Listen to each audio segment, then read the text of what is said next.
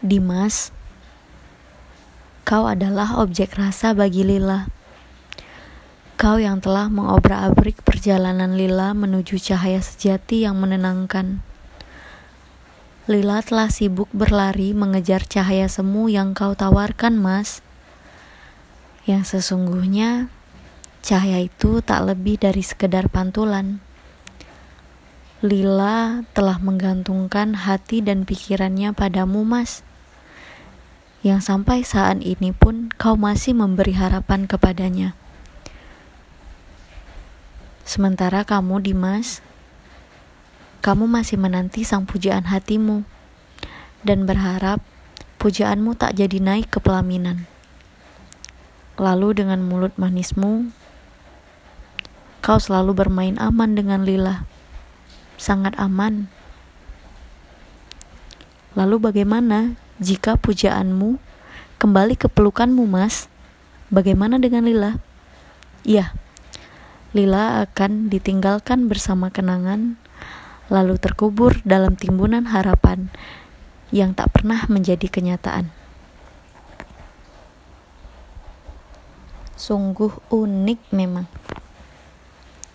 Berkat rasa, manusia bisa menembus sekat-sekat yang selama ini membatasi hari-harinya dalam lingkup kebiasaan, meskipun pada akhirnya tak terlepas dari objek rasa itu sendiri. Jika objek rasa itu kita analogikan sebagai variabel bebas, maka rasa adalah variabel bergantung.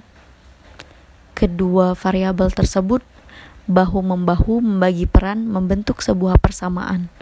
Ya, berupa reaksi yang terjadi pada diri si empunya rasa. Persamaan yang dihasilkan bisa beraneka rupa, tergantung seberapa besar peran objek rasa sebagai variabel bebas. Bisa jadi seseorang sangat menggantungkan rasanya pada objek rasa, sehingga terbentuklah polinominal yang sangat rumit dan sulit terpecahkan. Bahkan tak jarang justru kontinu dipertanyakan serta memiliki penyelesaian yang bercabang-cabang. Ya, jika persamaan-persamaan tadi divisualkan dalam bentuk grafik, aneka lika-liku yang akan terbentuk. Semakin besar ketergantungan rasa terhadap objek rasa, maka grafiknya akan semakin jauh dari kata lurus. Hmm, bukankah manusia diciptakan untuk satu tujuan, yakni menuju cahaya yang kekal abadi? Objek rasa merupakan distraksi dari perjalanan mulia manusia menuju cahaya yang kekal abadi. Semakin bergantungnya rasa pada objek rasa, maka semakin besar pula lika-liku yang harus ditempuh.